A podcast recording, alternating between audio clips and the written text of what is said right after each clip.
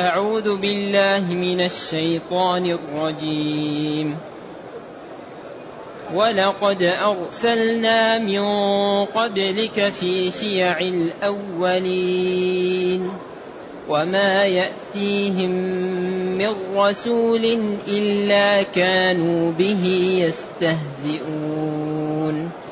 كذلك نسلكه في قلوب المجرمين. لا يؤمنون به وقد خلت سنة الأولين. ولو فتحنا عليهم بابا من السماء فظلوا فيه يعرجون. لقالوا إنما سكرت أبصارنا بل نحن قوم مسحورون. ولقد جعلنا في السماء بروجا وزيناها للناظرين وحفظناها من كل شيطان رجيم وحفظناها؟ وحفظناها من كل شيطان رجيم إلا من استرق السمع فأتبعه شهاب مبين. والأرض مددناها وألقينا فيها رواسي وأنبتنا فيها وأنبتنا فيها من كل شيء موزون. وجعلنا لكم فيها معايش ومن لستم له برازقين.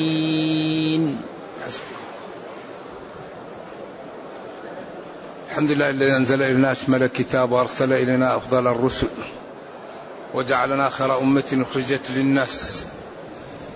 فله الحمد وله الشكر على هذه النعم العظيمة والآلاء الجسيمة والصلاة والسلام على خير خلق الله. وعلى آله وأصحابه ومن اهتدى بهداه. ما بعد فإن الله تعالى لما بين حفظه للكتاب رد على الكفار في قولهم في قوله تعالى إنا نحن نزلنا الذكر وإنا له لحافظون بعدين قال ولقد أرسلنا من قبلك في شيع الأولين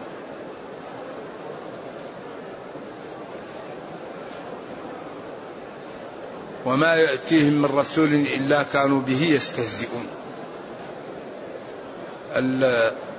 كانت الكفار الذي يزعجها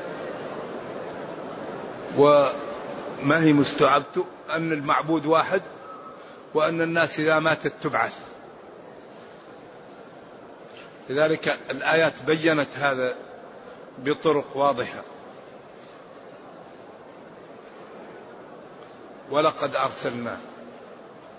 اللام موطئة للقسم وقد توكيد. وهذا لما تطلع نفوس لهم للتأكيد.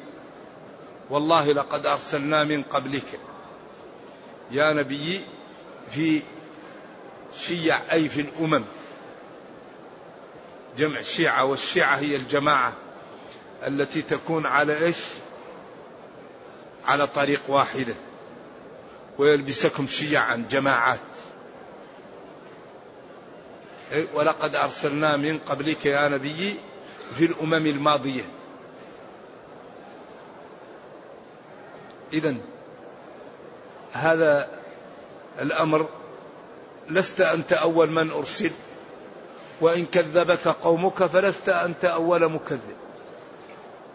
فالرسل جاءت من قبلك والأمم كذبت الرسل فاطمئن لما أنت عليه وبين ما عندك واعلم أن هذه سنة الله في خلقه. ولقد تأكيد أرسلنا بعثنا من قبلك أي من قبل مبعثك ووجودك. ولقد في شيع الأولين أي في أمم وفي جماعات الأولين قبلك.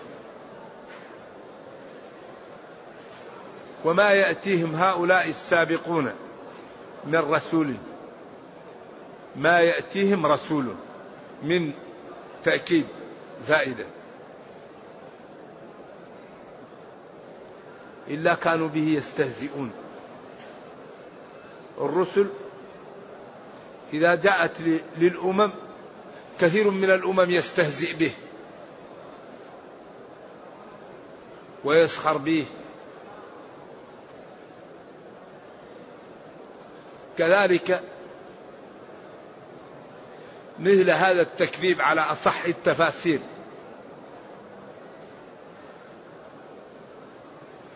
الذي كذبك قومك نسلكه أي الإجرام والكفر في قلوب المجرمين الكافرين لا يؤمنون. لا يؤمنون بما جئت به. نسلك في قلوبهم الكفر ونجعل قلوبهم مليئة بالضلال والكفر. إذا إذا سمعوا القرآن لا يؤمنون به. هذا أصح التفاسير وهو اختيار كبير المفسرين. ومن المفسرين من قال نسلكه أي القرآن في قلوب المجرمين يعني نجعلهم يسمعونه ويفهمونه ولكنهم لا يصدقون به. وهذا السياق لا يعطيه. لأن سلك الشيء في القلب يدل على الفهم وعلى الاستيعاب. وهم عدم إيمانهم عياذا بالله أن قلوبهم محجوبة. موارد العلم محجوبة. فالسلوك هذا الذي في قلوبهم الذي يظهر من السياق أنه الكفر والضلال. هو الذي امتلأت القلوب منه. أما لو كان القرآن جاء في القلب لكان سببا في إيش؟ في الهداية. هذا الذي يظهر. نعم نسلك أي الضلال عياذا بالله والكفر في قلوب المجرمين. لا يؤمنون بالقرآن الذي أنزل عليهم أو بالنبي صلى الله عليه وسلم أو بهما معا. لذلك القلوب إذا عياذا بالله امتلأت من الضلال ليست مستعدة لسماع الخير. ولذلك القلب مثل الماعون. إذا امتلأ الماعون ما يقدر يشيل شيء. فإذا امتلأ القلب من الضلال ولذلك يكونون مع النبي صلى الله عليه وسلم ماذا قال آنفا؟ ماذا قال آنفا؟ ولقد ذرأنا لجهنم كثيرا من الجن والإنس. لهم قلوب لا يفقهون بها. ولهم أعين لا يبصرون بها ولهم آذان لا يسمعون بها. إذا الكفار موارد العلم محجوبة. نرجو الله السلام والعافية. بخلاف من هداهم الله ووفقهم فإنه امتن عليهم بموارد العلم لتكون هذه سببا في شكر الله تعالى. كما قال تعالى والله أخرجكم من بطون أمهاتكم. لا تعلمون شيئا وجعل لكم السمع والأبصار والأفئدة لعلكم تشكرون. أعطاكم موارد العلم لشكر الله. تنظر في المصحف. تسمع القرآن. تفكر كيف ننجو من النار. كيف نساعد الضعاف. كيف نترك لي بصمات قبل أن نموت لديني ولأمتي؟ وجعل لكم السمع والأبصار والأفئدة لعلكم تشكرون. أعطاكم موارد العلم لتكون سببا في شكر الله وطاعته. إذا ولقد أرسلنا من قبلك يا نبي في الأمم الماضية وفي جماعاتهم وما يأتيهم من رسول إلا كانوا به يستهزئون. كل ما جاءهم رسول كذبوه واستهزأوا به. شعيب قومه قالوا له ولولا رهطك لرجمناك وما أنت علينا بعزيز.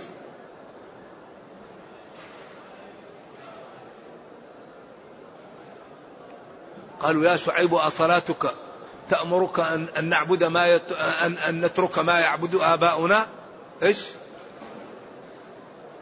أو أن نفعل في أموالنا ما نشاء. إنك قال يا قوم أرأيتم إن كنت على بينة من ربي ورزقني منه رزقا حسنا؟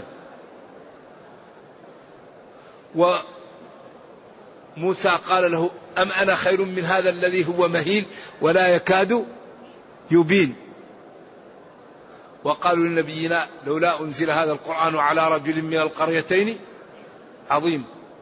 فدائما الكفار إذا جاءتهم الرسل يسخرون منهم ويستهزئون بهم ولكن هذا يرفع درجات الرسل ويكثر ذنوب الكفار والعاقبة للمتقين.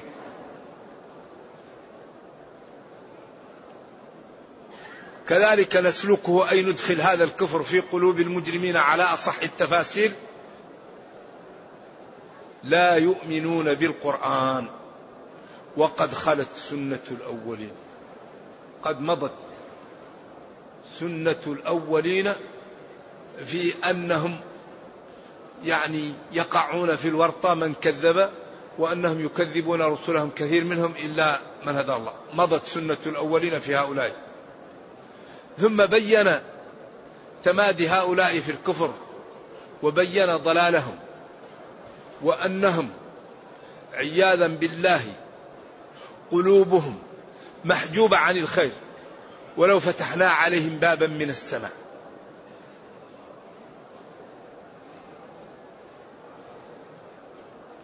ولو فرضنا وقدرنا أننا فتحنا باب من السماء فظلوا في هؤلاء يعرجون أو رأوا الملائكة يعرجون فيه وينزلون. يعرجون هم بأنفسهم أو رأوا الملائكة تعرج وتنزل. لقالوا إنما سكرت وسكرت. كلهم قراءة سبعية أبصارنا. أي سدت وحجبت عن الفهم أو سحرت. أقوال متقاربة. إذا هذا فيه تثبيت للنبي صلى الله عليه وسلم وفيه تسلية له وأنه إن كذبه قومه فقد كذبت الرسل من قبله وإن أذوه فقد أذيت الرسل من قبله. فليصبر وليسر على ما هو عليه. إذا ولو فتحنا عليهم بابا من السماء فظلوا فيه هم بأنفسهم يطلعون وينزلون أو رأوا الملائكة تنزل وتعرج فيه.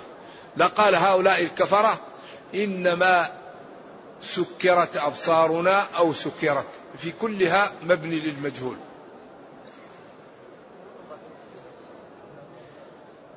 سكرت أبصارنا لعل عاصم وش؟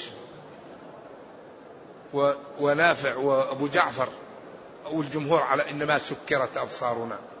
سكرت ثلاثة أظن إنما سكرت أبصارنا. بل نحن قوم مسحورون. بل نحن قوم سحرنا. والسحر أمر خفي. لا يقع حقيقته إلا بصرف حقوق الله للمخلوقين ولذلك قال العلماء إن السحر الحقيقي لا يكون إلا لا لا يتعاطاه لا يتعاطى إلا بالكفر.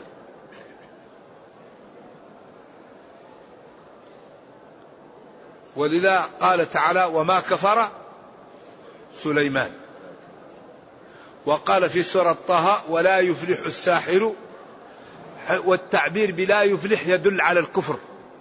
لأن القرآن لا تأتي فيه لا يفلح إلا للكافر.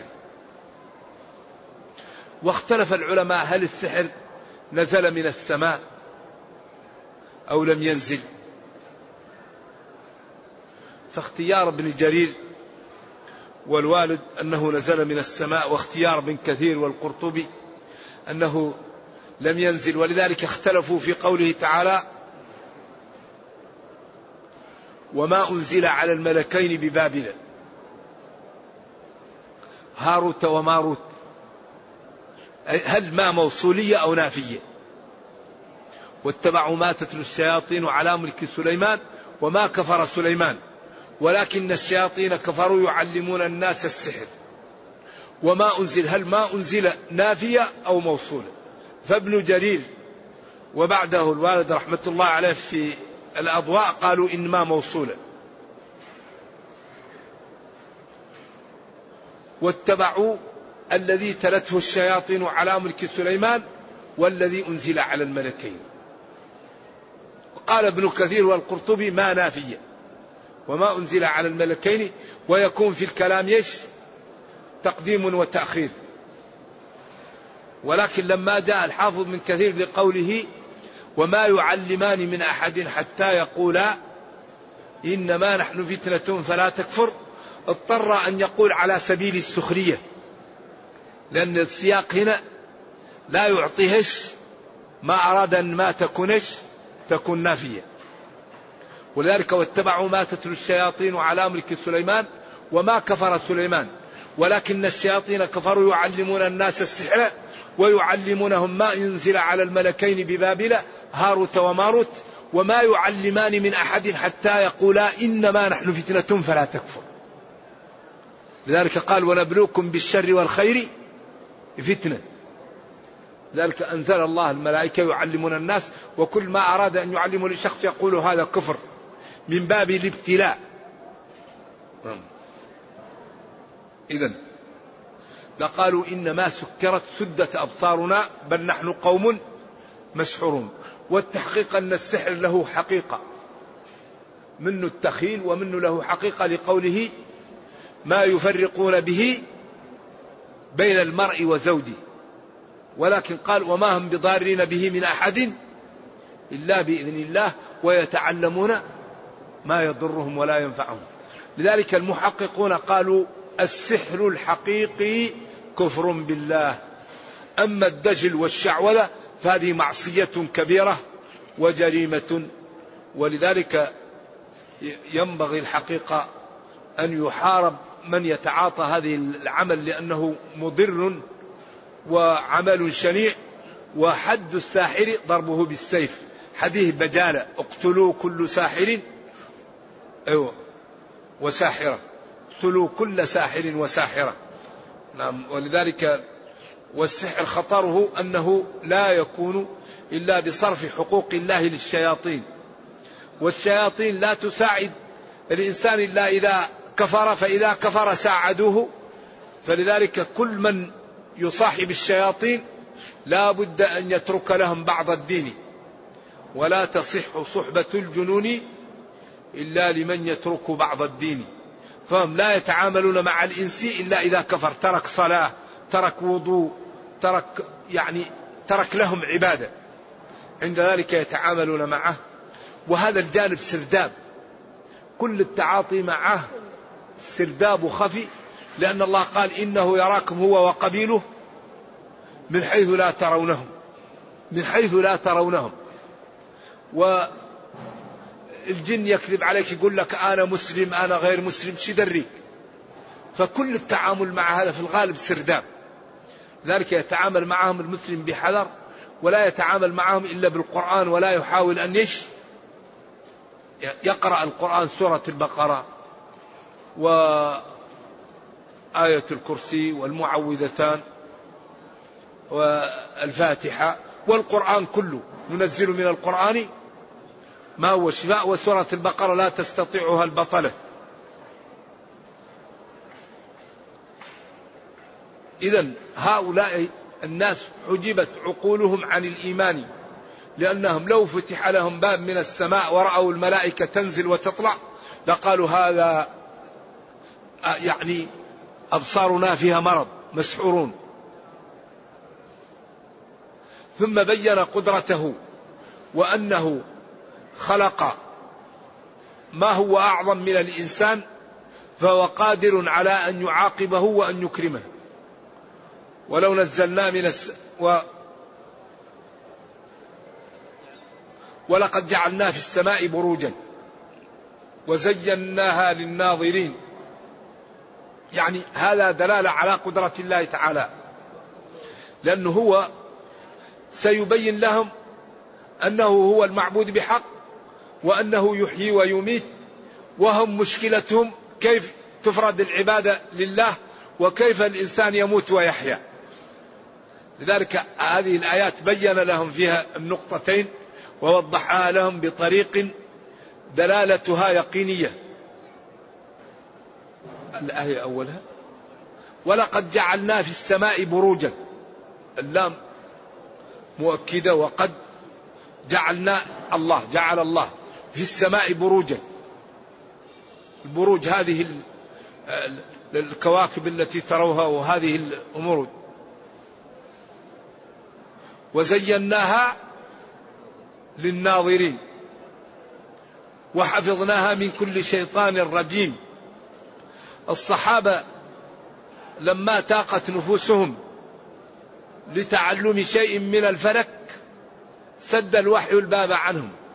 قالوا يا نبي الله ما بال الهلال يبدو صغيرا ثم لم يزدد يكبر؟ حتى يصير بدرا.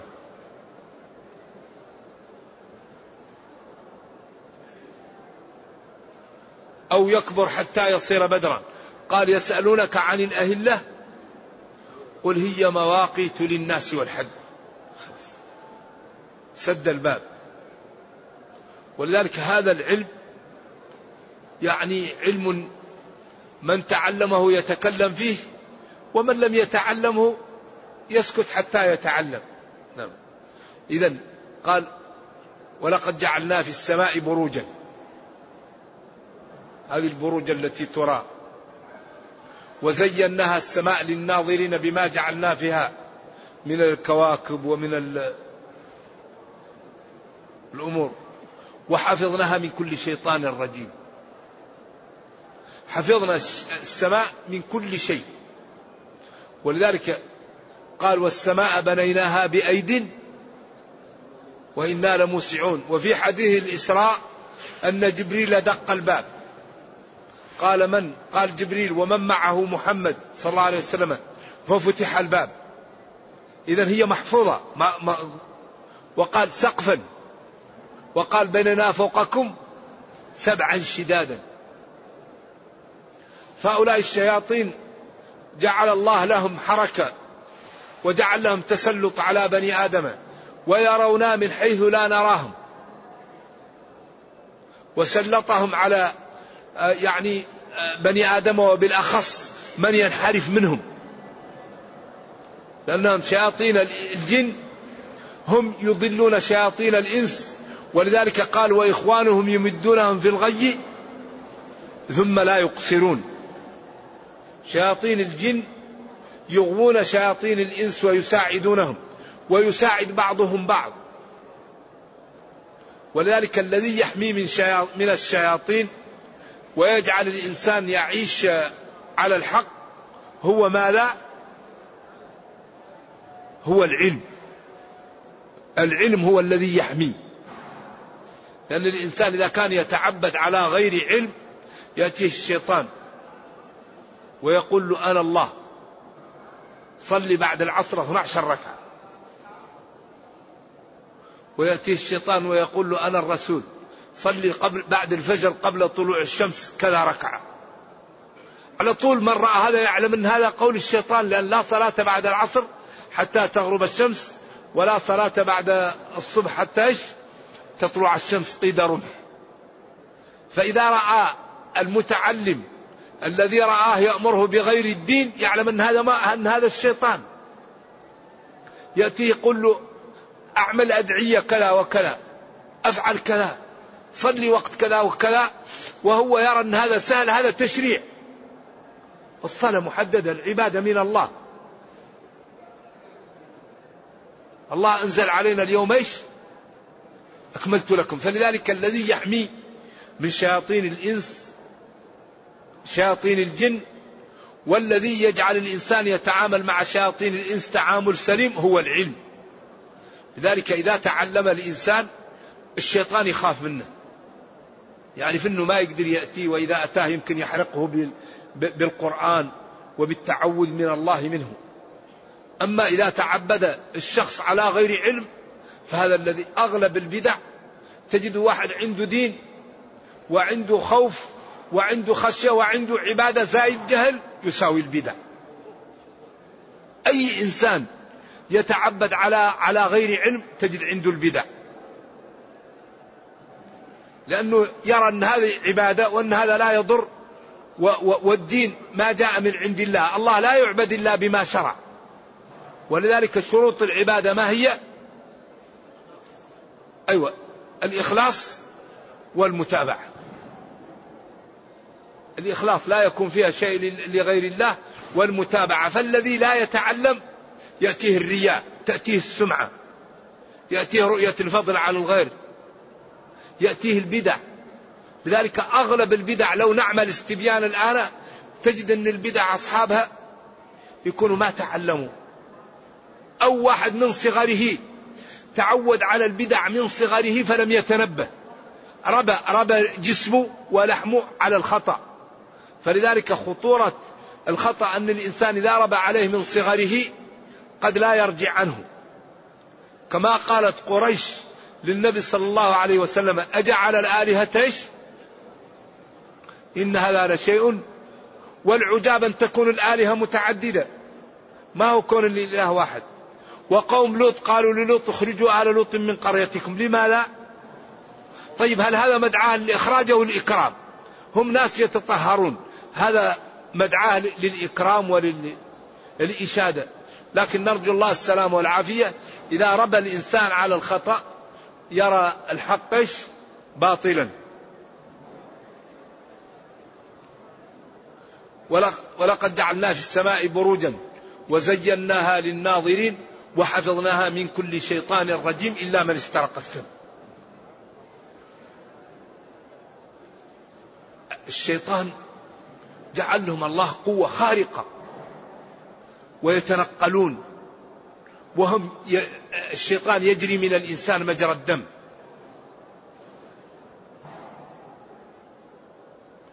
وهم قالوا إنهم يكونوا فوق بعض. حتى يأتوا لفوق فإذا أراد الله أن يتكلم بالأمر وأخذه الملك فيسمعونه فأحيانا ترميهم الشهب. في إيش؟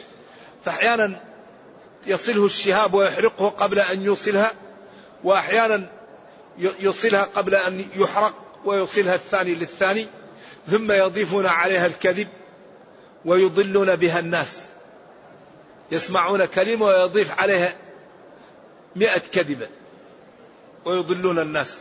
فهؤلاء كانوا آه، وحفظناها من كل شيطان رجيم إلا من استرق السمع من الشياطين بالطريقة التي هيأها الله لهم. ثم يتبعه شهاب. وقيل إنه بعد مبعث النبي منعوا.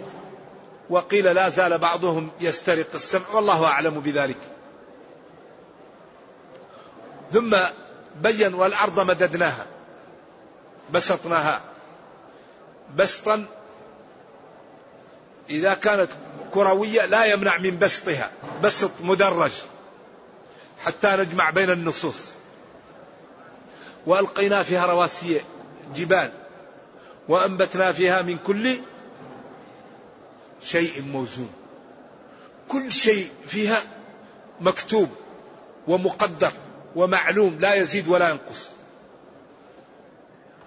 اذا من هذه قدرته يطاع فلا يعصى. ويشكر فلا يكفر. وتمتثل أوامره وتجتنب نواهيه وهذا هو المقصود من من بيان القدرة حتى يخافوا ويطيعوا ويتجنبوا المعاصي لينجوا ولذلك كل ما شرع الله يعني يختم المقطع بدلالة قدرته بخلق الناس وخلق السماء والأرض وما زرع فيها. ولذلك يقول أفمن يخلق كمن لا يخلق. يخلقكم في بطون أمهاتكم خلقا من بعد خلق في ظلمات ثلاث ذلكم الله ربكم له الملك. لا إله إلا هو. فانى تصرفون. أين تذهب العقول عن هذه الحجج والبراهين الباهرة؟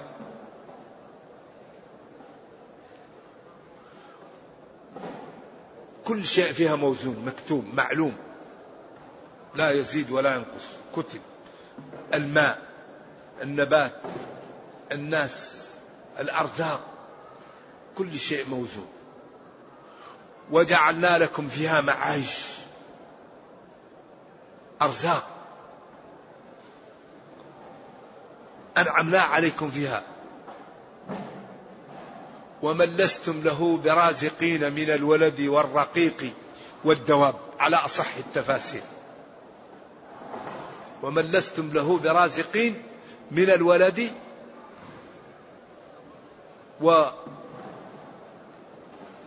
والخدم والدواب. لمن؟ لمن؟ لأن بعضهم قال إيش؟ ومن لستم له برازقين؟ الدواب. لكن من تمنع من ذلك؟ لأن من للعقلاء.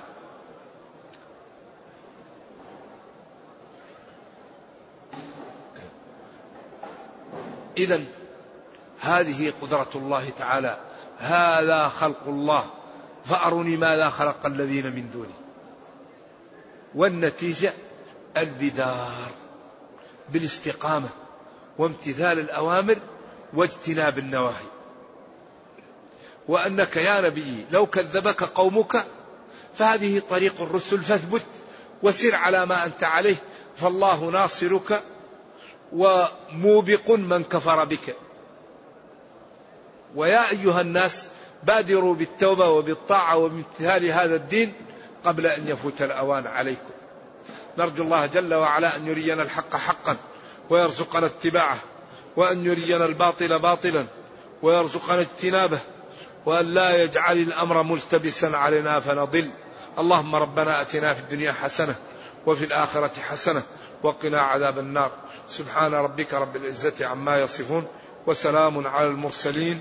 والحمد لله رب العالمين والسلام عليكم ورحمة الله وبركاته. هذا يقول مريض عالج السحر بالسحر. هذا فخر الرازي يقول كذا وبعض العلماء. وكثير من المحققين يقول لم يجعل الله شفاء أمتي فيما حرم عليها. نعم. ويقول هذا الرجل الذي عمل هذا وعالجه الرجل وهو لا يدري يتوب إلى الله ويستغفر. والمشكلة أن, أن, أن غالبا أن الساحر يمكن هو اللي يعمل هذا. الذي الذي يعالج يمكن هو الذي أتى بالمرض للرجل هذا. يمكن هو الذي أمرضه ليعالجه إيش؟ ويكون هو اللي هو هو الطبيب وهو إيش؟ وهو نفس الشيطان اللي دخله يمكن هو نفسه. ما ندري. لأن هذه الأمور مشكلة. وتعلم السحر مشكلة وتعاطيه مشكلة. لذلك أغلب الأمراض تكون عضوية. وأغلب هؤلاء يكون عندهم دجل. ما يكون عياذا بالله لأن الذي يتعاطى السحر وضعه خطير. نعم. على كل حال يتوب إلى الله ويستغفر. نعم. هذا يقول قيل إن في هذه الآية إعجاز وهي لقالوا إنما سكرت أبصارنا. ذكر عن بعض رواد الفضاء أنهم قالوا عندما وصلوا إلى القمر فقدوا أبصارهم لمدة عشر دقائق وذلك لعدم انكسار الضوء. الله أعلم. أنا لا أعرف هذا. نعم. ما أعرف وأعرف أن أن الله تعالى قال جند ما وقال هنالك وقال مهزوم وقال من الأحزاب وقال فليرتقوا في الأسباب أسباب السماوات. وأكبر هزيمة أن أن الجو أن أن السماء ما فيها أكسجين. ما دام السماء ما فيه أكسجين كيف واحد يعيش فيه؟ نعم، ولذلك هذه الأمور نحن لا نتعدى النصوص. ما قاله الوحي نقوله وما نفاه ننفيه وما سكت عنه إيش نسكت. ومن حفظ حجة على من لم يحفظ أنا لا أعلم شيء في هذا. حاشية الجمل طيبة فيها فيها إعراب وفيها بيان للجلالين وفيها بعض الأشياء ولكنها طيبة في الجملة. ما رأيكم في أن كذلك سلكناه في الرأي الثاني كذلك سلكناه في قلوب المجرمين لا يؤمنون به؟ الوجه الثاني من التفسير وهو أن السلوك في القلوب وهو القرآن لوروده في السياق في الموضعين.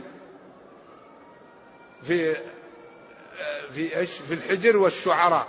هذا الذي ذكره ابن عاشور. لكن سلوك الشيء هو إدخاله في القلب. وإذا دخل القرآن في القلب هذا في الغالب صاحبه فهم. لكن هؤلاء قلوبهم لا تفهم القرآن وإنما الذي يسلك ويدخل في قلوبهم الكفر والفجور. لأن لو كان دخل القرآن انتجع عنه إيش؟ الإيمان كل شيء له أسباب. ولذلك هذا الذي اختصر عليه كبير المفسرين ابن جرير. نعم. كلام هل نقض التوبة والوقوع في الذنب نقض للعهد؟ ويدخل في اللعنة المترتبة على نقض العهد كما في الآيات. أم نقض العهد مع الله معناه نقض الإسلام وعدم الإيمان؟ الذي يعمل المعاصي هو نقض جزء من العهد لكن ما هو العهد الكبير؟ قال يا أيها الذين آمنوا أوفوا بالعقود. عقد بينك وبين ربك بينك وبين نفسك بينك وبين الآخرين. فكل أوفوا بالعقود التزموا طاعة الله وشرعه ولا تخالفه. فإذا عاصى هذا عقد صغير. وإذا كان كبير عقد كبير. وبقدره. نعم. يقول ما صلاة الفجر آه الفرض الفجر أو الصبح؟ الفجر. صلاة الفجر وصلاة الصبح. كله يقال له الفجر. يسمى صلاة الصبح وصلاة الفجر. كيف نجمع بين الآيتين ما يبدل القول لدي وبين قوله تعالى يمحو الله ما يشاء ويثبت. قال العلماء الجمع بين الآيتين بأن الملائكة عندها صحف. إن وصل فلان رحمه فزيدوه خمس سنين. وإن فعل كذا فزيدوه كذا. وإن لم يفعل كذا فنقصوه كذا. وفي اللوح المحفوظ يفعل أو لا يفعل. يمحو الله ما يشاء ويثبت بما هو في أيدي الملائكة مما لم يطلع على ما هم لا يطلعون على ما, في اللوح المحفوظ. وعنده أم الكتاب الذي لا يقع إلا ما فيها. هذا جمع بين النصوص. نعم. ما يبدل القول لدي الذي هو مكتوب في, في, في, في اللوح المحفوظ ويمحو الله ما يشاء ويثبت ما هو في أيدي الملائكة لكن هل يفعل أو لا يفعل؟ ولذلك إن الرجل لا يعمل بعمل أهل الجنة فيما يبدو للناس في البخاري. وإن الرجل لا يعمل بعمل أهل النار فيما يبدو للناس. فيسبق عليه القلم فيعمل بعمل أهل الجنة فيدخلها. ولذلك يختم. أربع كلمات. أجله ورزقه شقي خلاص. ولذلك يهيئه الله. أبو طالب. تربى النبي صلى الله عليه وسلم في بيته. ويعلم أنه صادق. وقال في آخر لحظة عياذا بالله هو على ملة عبد المطلب. ويقول ولقد علمت بأن دين محمد من خير أديان البرية دينا. لولا الملامة. أنا سيد الوادي وهذا ابن أخي يتيم كيف أتبعه؟ تتبع ابن أخيك يتيم؟ ما حصل. نترك دين الأشياخ؟ ولذلك مشكلة. الإنسان يقول شيخي يقول أبي مذهبي لا لا اتبعوا ما أنزل إليكم. العلم قال الله قال رسوله. هل ندرك الصلاة الجماعة بإدراك الإمام قبل قوله السلام عليكم أم عند ركوعه لآخر ركعة. من أدرك الركوع فقد أدرك الركعة. عند الجمهور. ومن ذهب من بيته يريد الجماعة وفاتته تكتب له. ربنا كريم. لكن الجماعة لا تدرك إلا بركعة. اللي أقل من ركعة لا تدرك به الجماعة. نعم. هل تقضى الركعة الفائتة مع الجماعة جهرية كانت جهرا أم سرا؟ الجمهور عندهم الذي تدرك من صلاتك هو أولها. وتقضي وتتم ما فاتك. وعند المالكية تقضي القول وتبني على الفعل. جمعا بين النصوص لقوله ما فاتكم فاقضوا وفي رواية فأتموا. فقال وقضى القول الأقوال يقضيها والأفعال يبنيها. وهذه أمور مبينة في في الفروع. نرجو الله لي ولكم التوفيق. نعم.